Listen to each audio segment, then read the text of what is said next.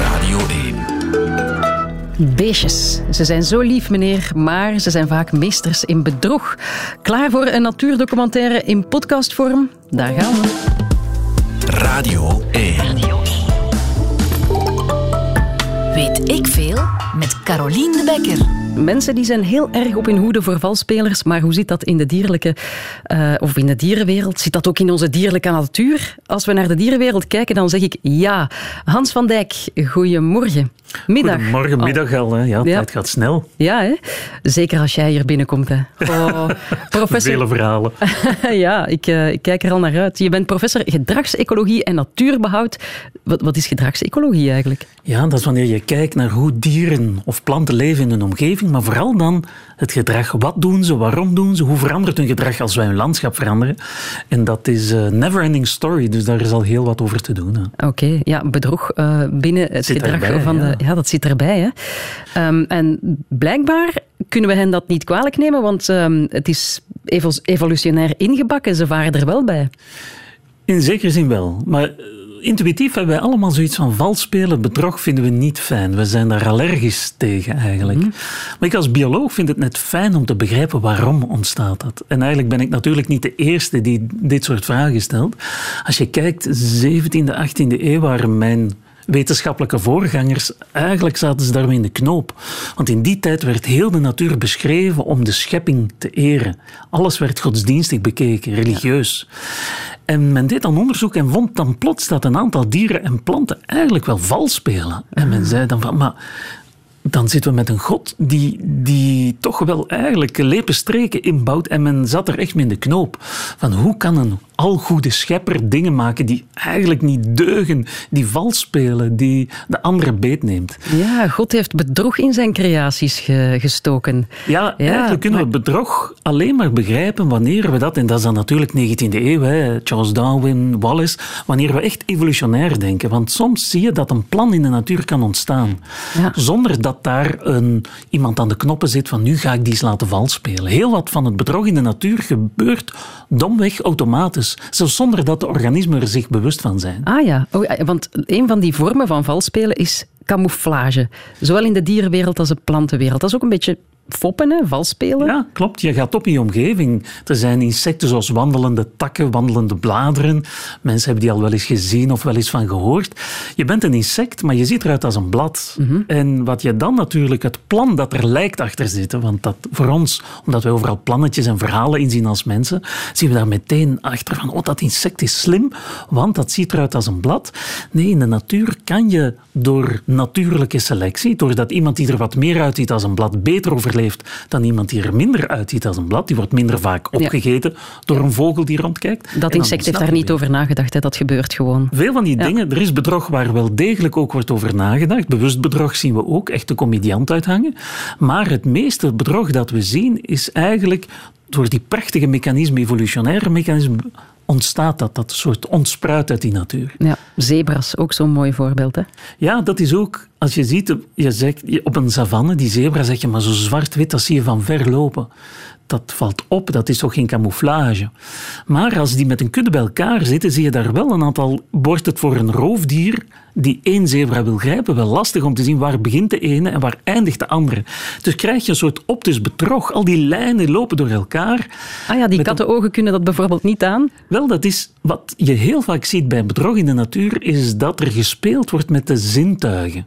Je hebt bijvoorbeeld bepaalde kleuren die je makkelijk ziet, bepaalde vormen die je makkelijk ziet, maar natuurlijk, selectie maakt het spel dan wat moeilijker een roofdier gaat makkelijk een mooi afgeleide prooi kunnen zien, maar als die allemaal door elkaar zitten, wordt dat lastig. En dan duurt het een paar seconden, milliseconden langer om te zien wie is nu mijn prooi.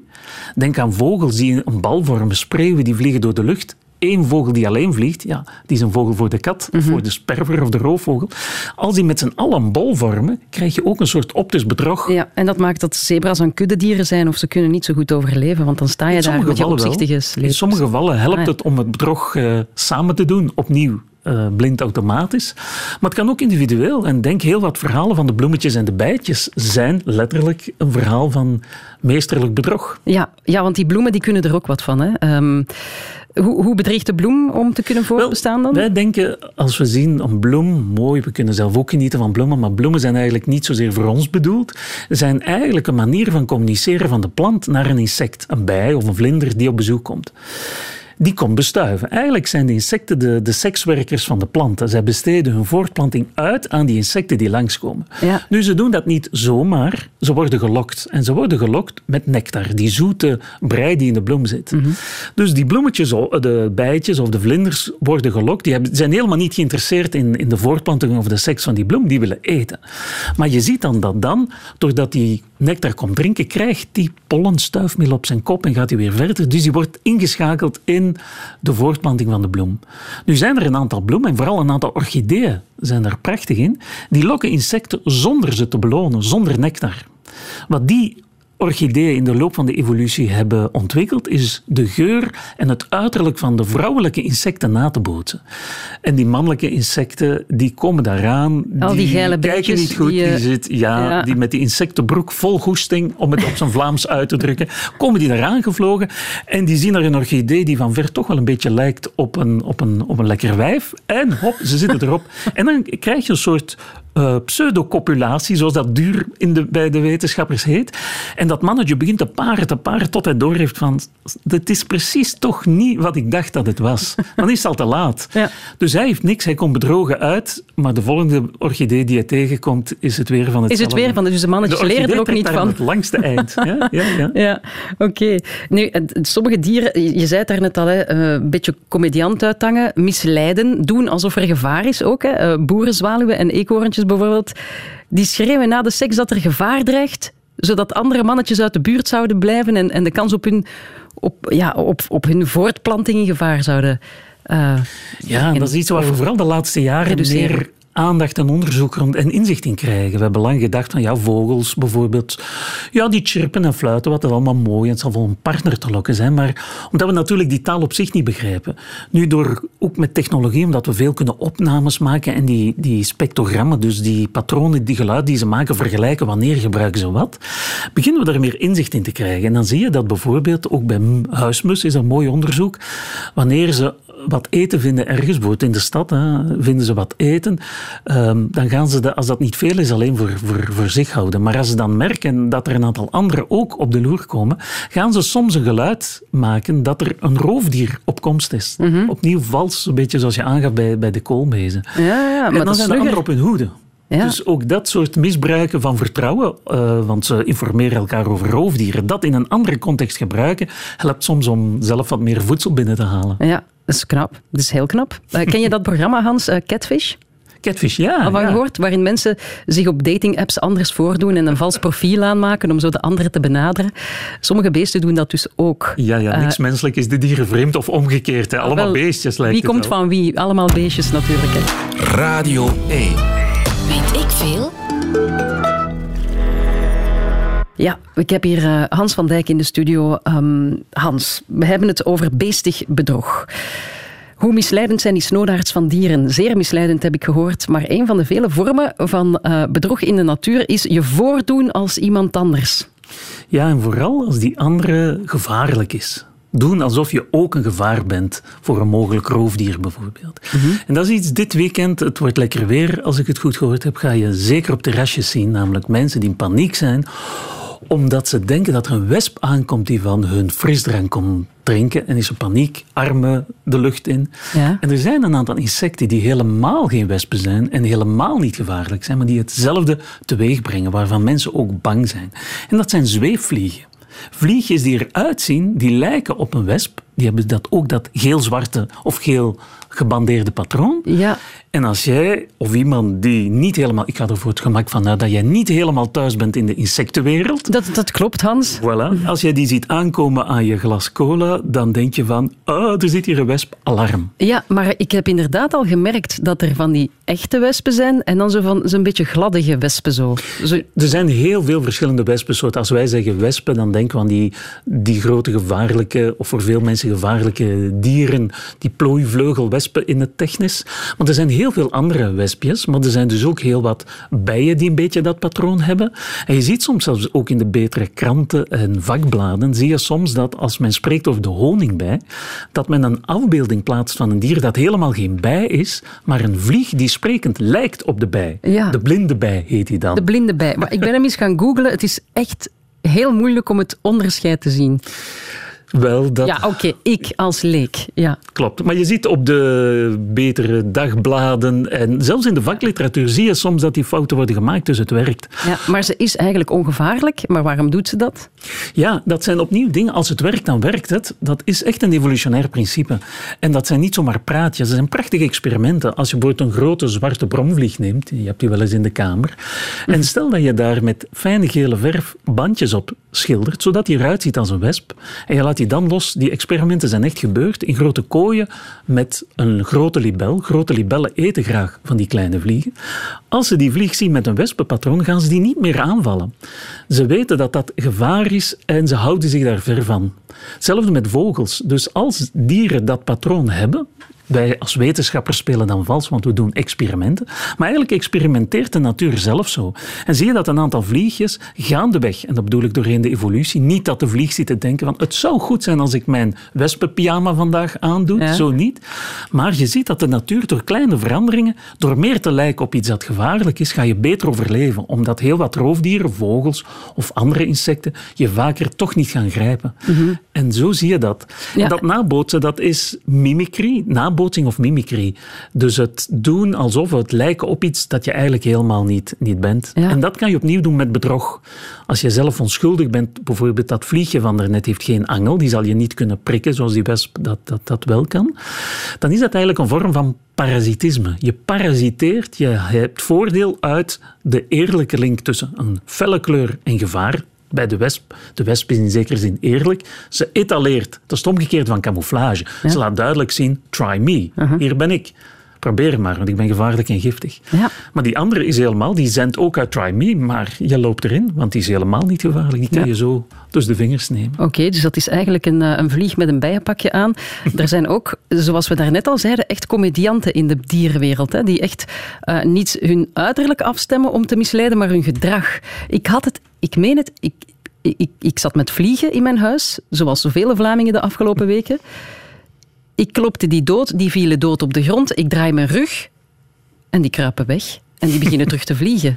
Dat, ik Ja, dat kan. dacht, wat, wat een snoodaards, die, hebben mij hier, eh, die zijn mij hier in, ja, in de ja, aan het ook leggen. dat is een beproefd recept. Doen alsof je dood bent. Ja. Zie je bij heel wat dieren dat ze inderdaad gaan... eh, omdat opnieuw maken ze dan gebruik, dat is weer de Achilleshiel die ze opzoeken. Heel wat roofdieren. Je hebt echt roofdieren die dode dieren opeten, aaseters. Maar dat is een hele specifieke club. De meeste roofdieren willen vers voer hebben en zijn terughoudend om eh, dode dieren op te eten. En dan is even doen alsof je dood bent en gewoon blijven liggen. Je kan op, op, op YouTube ook hilarische filmpjes vinden, ook van eekhoorns bijvoorbeeld, die een tijdje doen alsof ze dood zijn, tot de vijand ver genoeg is en dan. Of roofvogels, eh, steltlopers, zo van die kieviten en zo, die Ja. wordt aan het broeden zijn. En er komt daar een roofdier aan, dan gaan ze een eindje van hun nest en laten ze hun vleugel hangen alsof ze gewond zijn. En die kat bijvoorbeeld wordt dan afgeleid van het nest naar die eh, gehandicapte vogel, tot ze ver genoeg zijn van het nest. En dan blijkt het, surprise, surprise, dat hij Ja. wel degelijk kan vliegen. Ja, ja, dat is wel echt gedrag waar toch over nagedacht wordt. Niet noodzakelijk. Ook dat kunnen reflexen zijn. Dus waar dat je ziet dat ze bijvoorbeeld gewoon ehm, door dat gedrag te doen, als ze een neiging hebben om die vleugel te laten hangen, dat, dat hoeft niet ehm, helemaal aangeleerd te zijn. Dat kunnen reflexen zijn. Maar er zijn voorbeelden. Sommige gedragingen zitten echt ingebakken, evolutionair gezien, in hun genen. Blind automatisch zoals een reflex. Soms is het wel complex leergedrag of ondervinden ze dat het werkt. En, en Gaan we dan meer eh, weg van de insecten en meer naar eh, eh, Ah, dieren die, waarvan de hersenmassa een beetje meer op eh, dat van de mens lijkt? Ja, we hoeven niet altijd dat in dat menselijk perspectief te zien, want men heeft dat lang gedacht. Je ziet dat bij andere mensapen, vind je dat natuurlijk dingen die dichter bij ons staan, evolutionair. Maar ook bij heel andere takken in het dierenrijk. En vogels zijn er prachtig in. Bij kraaien, raven, dat zijn echte comedianten, die kunnen bijvoorbeeld bij raven zie je dat ze soms voedsel verstoppen in de sneeuw. Prachtig onderzoek in Oostenrijk. En ze verstoppen dan wat voedsel dat ze verzameld hebben voor later. Als ze doorhebben dat ze begluurd worden of beloerd worden door een soortgenootje die met hun eten kan gaan lopen, dan doen ze alsof ze iets aan het verstoppen zijn omdat ze merken van ik word hier beloerd. En dat vergt wel van die bovenkamer, die hersenen van die vogel, moeten ze een inschatting kunnen maken wat de andere van hen... Dat, is een soort, dat komt in de buurt van wat men technisch noemt theory of mind. Dat wil zeggen dat je als organisme, als individu, een vorm van inschatting kan hebben van wat denkt die andere van mij. Mm Dat is, dat is inderdaad iets dat we vroeger dachten, we, dat is alleen voor mensen en dan dachten we mensen-apen. Nee, we zien in zekere vorm dat bij een aantal dieren met complex sociaal gedrag. Kraaien, kauwen, raven, onderschat ze niet. Die hebben een heel complex sociaal gedrag. En dan kan je liegen. Weet ik veel? We hebben het over meesterlijk bedrog in de dierenwereld. En dan komen we natuurlijk, natuurlijk uit bij de koekoek, het schoolvoorbeeld van bedrog. Um, ja, is de koekoek de broedparasiet, wordt hij wel eens genoemd. Ja, hè? echt een sociale parasiet. En dat lijkt aan, ai, oei, wat krijgen we nu binnen. Want dat is inderdaad, en die eerst, die vroege veldbiologen, naturalisten zoals ze heten, ja, die konden er niet aan uit. Die ontdekten op een gegeven moment, tja, we hebben hier een vogel die wel een ei legt, maar er is geen moederzorg. Het idee van moeder natuur, namelijk een moeder die zorgt voor haar kind. Het kan natuurlijk ook een vader zijn, maar de meeste dieren zie je daar vooral het beeld van moederzorg. Een vogel die dat niet doet, die gewoon op het idee komt om, om haar ei in een ander nest te leggen en dan zeggen, voilà, nu staan de anderen. Dat vond men zo vreemd, maar men heeft daar gaandeweg, en opnieuw evolutionair kan je dat begrijpen, want als je die ouderzorg kan uitbesteden en je kan het op een listige manier doen, waardoor het niet wordt ontdekt, dan kan je natuurlijk veel meer eieren gaan leggen dan wanneer je voor al die jongelui zelf moet zorgen. Ja, maar leg nu nog eens uit, hoe kan dat nu niet ontdekt worden? Zijn die, zijn die vogels nu stekenblind dat dat ei, dat plots in dat nest ligt, afwijkt van die andere eieren en dat dat wat groter is. En dat, dat is toch... Dat vond men ook van, hoe kan dat nu? Als je nu, je bent een kleine karakiet, dat is een, een rietvogeltje, en er komt er een grote koekoek aan die een ei legt. Het begint al met dat ei leggen. Eigenlijk begint het ervoor al. De koekoek die je daarnet gehoord hebt, dat is niet het geluid van het vrouwtje. Dat is het mannetje die koekoek roept. Het ah. vrouwtje roept helemaal niet koekoek. Het vrouwtje heeft een ander geluid dat wat meer doet denken aan een roofvogel. En eigenlijk ziet ze er ook uit als een sperwer, als een roofvogel. Dus als die koekoek in het rietland bijvoorbeeld langskomt, zijn de vogels al op hun hoede van oeh, er is hier gevaar. En op die momenten gaan ze soms ook weg van hun nest om hun eigen hachje te redden. Dat is nu net wat die koekoek nodig heeft, dat ze even weggaan van het nest om snel een ei te kunnen leggen. Ja. Ze neemt één ei dat erin ligt weg en legt een ei in de plaats. Als die vogels terugkomen, zou je zeggen, van, die moeten toch zien dat daar, dat ei is een klein beetje groter, maar je ziet dat doorheen de evolutie, heb je, het is eigenlijk een soort valsmunterij. Je ziet dat de kleuren aangepast zijn. Niet dat de individuele koekoek een soort printer in haar achterste heeft om te zeggen, kijk, ik zit hier bij een karakiet, het ei moet vandaag zijn zoals... Nee, maar je hebt wel genetische lijnen. Koekoek specialisten, vrouwtjes die alleen maar de kleine karakiet beetnemen. Je hebt er anderen die bijvoorbeeld alleen maar de kwikstaart beetnemen. Ah, zo, ja. Want als ze gaan mengen, wat soms gebeurt, dan hebben ze het snel door. Dan zien ze eens, kijk jongens, er zit een blauw ei in mijn eh, witte nest, dat uh lukt niet. En dan gaan, de, gaan ze dat stuk pikken. Dus het is eigenlijk een wapenwedloop. Het is niet zo dat de koekoek altijd wint. Er is ook weerwerk. Maar het blijft verrassend om dan te zien, oké, dat luik is gelukt, het ijs gelegd, ze beginnen te broeden. Wat er dan gebeurt is, die koekoek komt eerst uit. Wat een prachtig staaltje is van aanpassing, want die is veel groter dan die kleine karakietjes, mhm. maar die kan heel snel ontwikkelen. Als die uitkomt, begint die al de concurrentie uit het nest te werken. En dat is hilarisch om te zien. Mensen moeten dat maar eens googelen. Dan begint dat kleine kuikentje, blind automatisch, die denkt er niet over na, met zijn rug te duwen tegen alle andere eieren of jonge lui die in het nest zitten, zodat hij alle zorgen kan monopoliseren. Me, myself en I alleen in het nest. Ja, het is ook een groter jong dan, dan de rest. Dat heeft ook heel veel eten nodig. Ja. en dan zie je dat als er zo één jong in zit, dat zo groot wordt. Op de duur is dat nestje zelfs te klein. Er zit er een joekel, een kolos van een vogel in. Dan maar denk als moeder... Ja. Sorry, maar ah, ja, hoe kan het nu?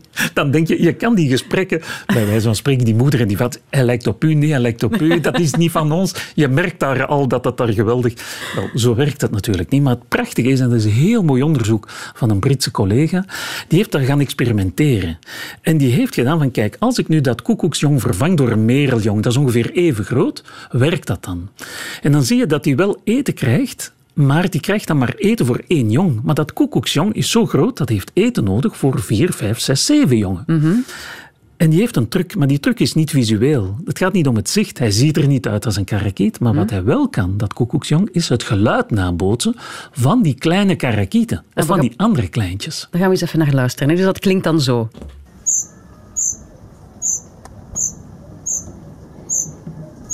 Dus hij gaat zijn stem een beetje vervormen. Ja, de nabootsing is dus niet... Hij ziet er niet uit als een karakiet. Nee. Maar die karakiet en vele vogels... Wij mensen zijn heel visueel. We kijken naar de dingen.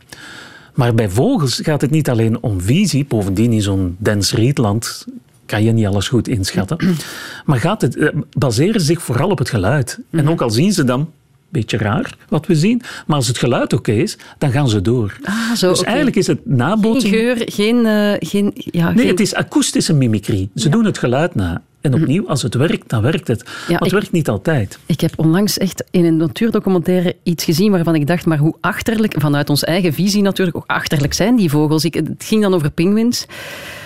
Die, die, die pinguïnjong valt uit zijn nest, dat ligt ernaast. Die moeder komt eraan en die denkt, waar is mijn jong, waar is mijn jong? Daarnaast zit dat, dat pinguïnjong te proberen in dat nest te raken en die moeder erkent dat niet. Want het zit niet in het nest, dus dan, dan is het mijn jong niet. Ja. Dat is toch een beetje... Ja, maar er zijn voorbeelden die dan ook hetzelfde principe op ons kunnen toepassen. We leven nu in een tijdperk vol plexiplaten of neem glazen deuren. Ja, tussen ons in is een plexiplaat. Ja, dat ziet de luisteraar zitten- niet. Het is maar, een beetje een eh, dierentuin. Hè? Wie Ja. kijkt nu naar wie? Maar een plexideur of een glazen deur, wij kunnen daar tegenlopen en zeggen, kunnen we ook zeggen, domoor, waarom? Wij zien die niet.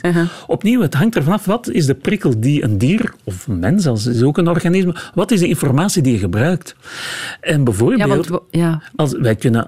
Wij mensen leren ons kind ons eigen kind. Stel dat je een, een kind hebt en drama, je verwisselt met een ander. Wij herkennen ons eigen kind niet per se op geur. Heel wat andere dieren, bijvoorbeeld muizen, ratten, gaan dat probleem niet hebben. Die ruiken meteen, want dit is niet mijn baby. Terwijl wij hebben heel wat van de dingen, zijn leergedrag. Eens we contact hebben met iemand, herkennen we hem of haar door samen te zijn. We leren een aantal dingen. Ja, we hebben Dus- gewoon andere zintuigen die prioritair zijn eh, in bepaalde aspecten. En dan, Ja, en Ja. dat maakt het boeiend voor mij en complex als wetenschapper. Want ik, mijn handicap is, als ik dat wil onderzoeken, is ik ben een mens, wat op zich heel fijn is. Maar als ik wil begrijpen hoe een vlinder werkt, hoe een koekoek werkt, moet ik me kunnen inbeelden, en met de technologie kunnen we dat gebruiken, hoe werkt dat dan voor een koekoek? Wat ziet, wat hoort, wat ruikt de koekoek? Want als ik dat met mijn menselijke bril op bekijk, begrijp ik dat verhaal niet. Ja. En dat is boeiend natuurlijk. dat is heel boeiend, want als je naar de dierenwereld kijkt en je bestudeert dat van kortbij, dan moet je toch ook de handicap van de mens zien en denken, wat, wat zien en voelen wij toch allemaal niet? Hoe, want we vinden onszelf een heel superieur ras, maar op, op bepaalde vlakken zijn wij ook achterlijk. Ja, in zekere zin wel. Die, die kwaliteitslabels hoeven daar... Ik als wetenschapper Nee, maar ik vind dat neutraal, maar Ja. dat is natuurlijk zo. Maar je ziet in veel dingen, denk al wat wij zichtbaar licht noemen. Mhm. Zichtbaar licht, ja, dat is voor ons zicht- zichtbaar. Er is zichtbaar licht voor vlinders dat voor ons niet zichtbaar is. Bijvoorbeeld UV-reflecties, wij zien geen ultraviolet. Maar een aantal bloemen hebben andere kleuren in het UV, vertellen dus iets met hun kleuren in het ultraviolet, dat jij en ik niet kunnen zien. Nu, die boodschap was ook voor een vlinder bedoeld die dat wel kan. Zo heb je bijvoorbeeld eh, torenvalken. Dat zijn die kleine valkjes die je soms wel eens langs de snelweg ziet bidden. Die bidden heet dat, die hangen dan in de lucht. Die kunnen van heel ver sporen, urinesporen van muizen zien. Wat heel handig is als je muizen eet. Maar ook dat geeft in het UV een reflectie. Wij denken, ja, begin maar eens te zoeken in een weiland een, een urinespoor. Je zult er werk mee hebben. We zullen eerder proberen te ruiken. Maar zij kunnen van op meters afstand zien ze alsof met een markeerstift in het veld aangeduid is van jongens, hier lopen de muizen. Ze hebben een andere leefwereld, een andere zintuigelijke wereld. En de jongste jaren doen we heel wat onderzoek. Duur noemt, tegenwoordig is allemaal Engels, sensory ecology wil alleen maar zeggen de, de ecologie van de zintuigen. Als we niet begrijpen wat dieren ruiken, horen, voelen, proeven, begrijpen we niet hoe ze leven. En begrijpen we ook niet hoe wij hun leefwereld beïnvloeden. Want inderdaad. onbedoeld spelen wij ook wel met de zintuigen van heel wat, wat dieren. Radio 1. Weet ik veel?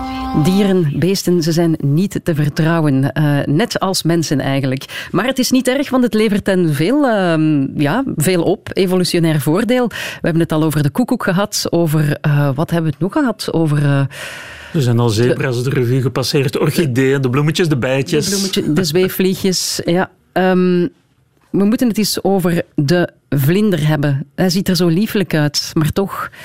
Ja. Hij doet ook aan mimicry, de doen alsof je iemand anders bent. Bij vlinders vind je heel veel verschillende vormen van nabootsing. Maar de gekste, de meest waanzinnige vorm, het is een soort die we toch ook nog in Vlaanderen kunnen tegenkomen, zij het dat ze erg zeldzaam is geworden, is het gentiaanblauwtje. En dat klinkt opnieuw erg onschuldig, een blauwtje, omdat de vlinder wat een blauwe kleur heeft. Ja. Gentiaan, ja, dat zal wel dan de plant zijn waar die eitjes op legt. Klopt. Maar dan begint eigenlijk het spectaculaire verhaal. Maar wat is dat voor... Dat, dat is, is dat een bekend vlindertje, het Gentiaanblauwtje? Ik ga dat eens even googlen. Ja, wel, dat is eentje, die, die ga je niet in je tuin tegenkomen. Die ga je alleen in heidegebieden, in vochtige, natte heidegebieden, venige gebieden. Dus in bepaalde natuurreservaten komt die nog voor. Ja, Maar op zich lijkt dat dan oké. ja, goed, dat is een blauw, een blauw vlindertje. vlindertje. Ja. Die legt een ei op een plant. Zo doen vlinders dat. Er komt een rups uit die eet van die plant. So what? Mhm. Dan? Dan zie je dat die kleine rups, die blijft niet op die plant. Die laat zich van die plant vallen. Op de grond, op de heide, ligt hij daar op de grond. Als kleine rups van een paar millimeter lijkt dat geen goed plan. Want dat loopt er vol gevaarlijk eh, dieren, zoals kleine mieren en zo verder. Voor een kleine rups is een mier best wel een gevaar. Mieren zijn geweldige rovers. Nu, die kleine rups rekent eigenlijk bij wijze van spreken op een mier om geadopteerd te worden.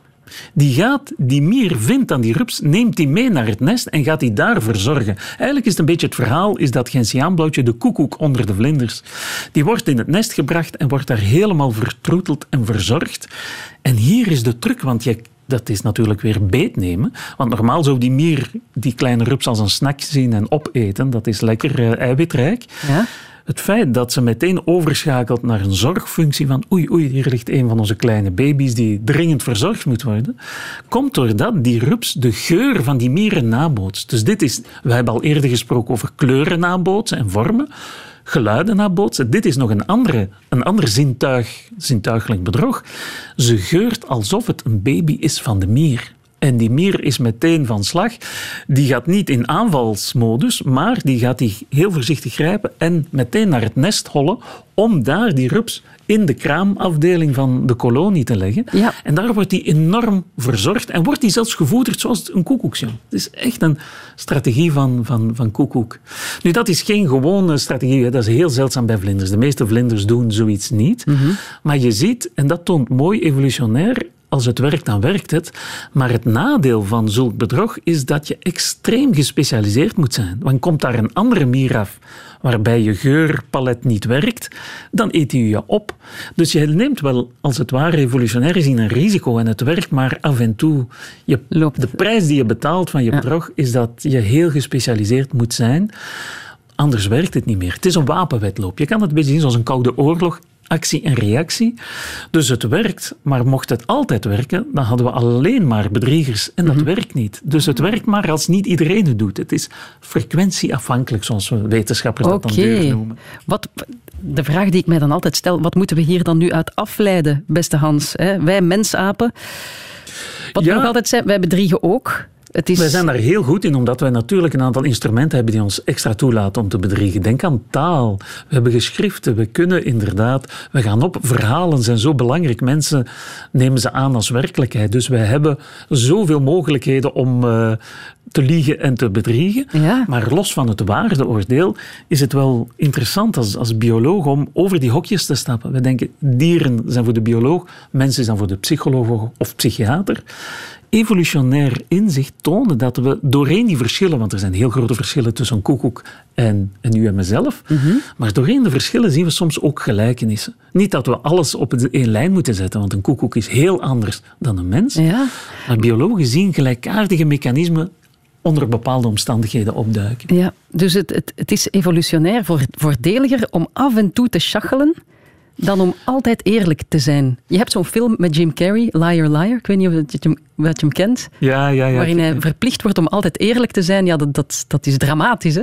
Nee, dat klopt. Het idee van leugentje om best wil is iets waar mensen... eh, we hoeven zo ver niet te gaan in Trumpiaanse, op een Trumpiaanse schaal hoeven we allemaal zo ver niet te gaan. Maar je ziet dat inderdaad in sociaal leven zie je heel wat elementen van die leugentjes om best wil. Dat is een bijzondere categorie. Kunnen we niet zomaar vergelijken met die kleuren nabootsen van daar straks. Dus maar bedrog lijkt iets in de, in de natuur zo'n klein domein te zijn, maar als je erop inzoomt, zie je dat je er heel wat kan van leren hoe het leven op onze gekke maar boeiende planeet in elkaar zit. Oké. Zeg, en onze huisdieren, doen die dat ook? Katten, honden? Ja, de kat natuurlijk. eh, Bij, in verschillende maten en onder verschillende omstandigheden zie je inderdaad eh, doen alsof. Wat ik bijvoorbeeld... Want een hond kan toch niet verbergen dat ze iets mis hebben gedaan. Hè? Dat zie je, dat Nee, maar daarin zie je ook dat de honden is natuurlijk een variant van de wolf die al heel, volgens sommige schattingen tot 30.000 jaar al in interactie leeft met mensen. Dus je ziet daarin dat qua sociaal leergedrag de wolf letterlijk een stukje, via, bij de hond dan, een stukje menselijk gedrag heeft overgenomen en omgekeerd. Er zijn ook hypotheses, zo werkt de wetenschap, dat ook wij in interactie al zo lang met die honden toch wel een aantal elementen hebben die minder doen denken aan mensapen, maar veel meer aan die roedeldieren die, die wolven zijn. Weet ik veel? Hans van Dijk, professor gedragsecologie en natuurbehoud aan Louvain-la-Neuve. Je bent het gewoon om examens af te leggen. Hè? Ja, zet je maar scherp. Het is dus geen quiz, hè. Het is Nee, je bent, duidelijk. eh, we zitten nog net eerste zittijd. We zitten een beetje tussen, maar zet je schrap. Ben je streng? En niet spieken. Dat we straks. Oké, oké, try me. Daar gaan we. Hoe plegen sommige orchideeën bedrog? Orchideeën, die gaan het, eh, de geur van het vrouwtje, vrouwtjesbij nadoen. Maar ze geven geen nectar af. Klopt. En ze zien er ook zo'n beetje uit. Hè. Dus, eh, Ja. Goed. Ehm, wat is, het wordt een beetje technisch, akoestische mimicry? Akoestische mimicry. dat is- Lekker technisch. Doen alsof met het geluid... Zoals de, koekoek, de koekoes, het koekoeksjong. Doen alsof je een ander vogeltje bent. Ja. Ja. De derde vraag is een ja-nee-vraag. Kan je de koekoek altijd herkennen aan het geluid koekoek? Eh eh, nee, Waarom niet? Mevrouw, kan je dat toelichten? Een kleine omdat hij niet altijd koekoek zegt, maar soms iets anders. Ja, het, alleen het mannetje roept koekoek. Het is het vrouwtje dat een Dat heel is ander juist, allee, ik zal zeggen, een half puntje. Ja, alleen voor, de, voor inzet. Moed en inzet. Ja. Ehm, wat is eigenlijk de truc die het gentiaanblauwtje eh, toepast? Ja, die, ehm, die, die ook met de geur, hè. met de geur, eh, de, de andere geur eh, afscheiden van een andere rups of zo. Een mier, hè? Ja, Mieren. ja, ja. Oké. En wat ga je dit weekend doen als er iets dat lijkt op een wesp naar jouw glas frisdrank komt? Ja, kijken of het een echte wesp is of niet, want ze plegen bedrog. Ah, kijk. Ah, voilà. Heerlijk. 3 op 5. Dankjewel, Hans van Dijk. Radio 1. Weet ik veel? Zo, als je ook geslaagd bent voor dit examen, dan mag je doorklikken naar de volgende podcast van Weet ik Veel. En zo niet, dan mag je ook doorklikken, want er valt nog zoveel te ontdekken. Bedankt alvast om te luisteren.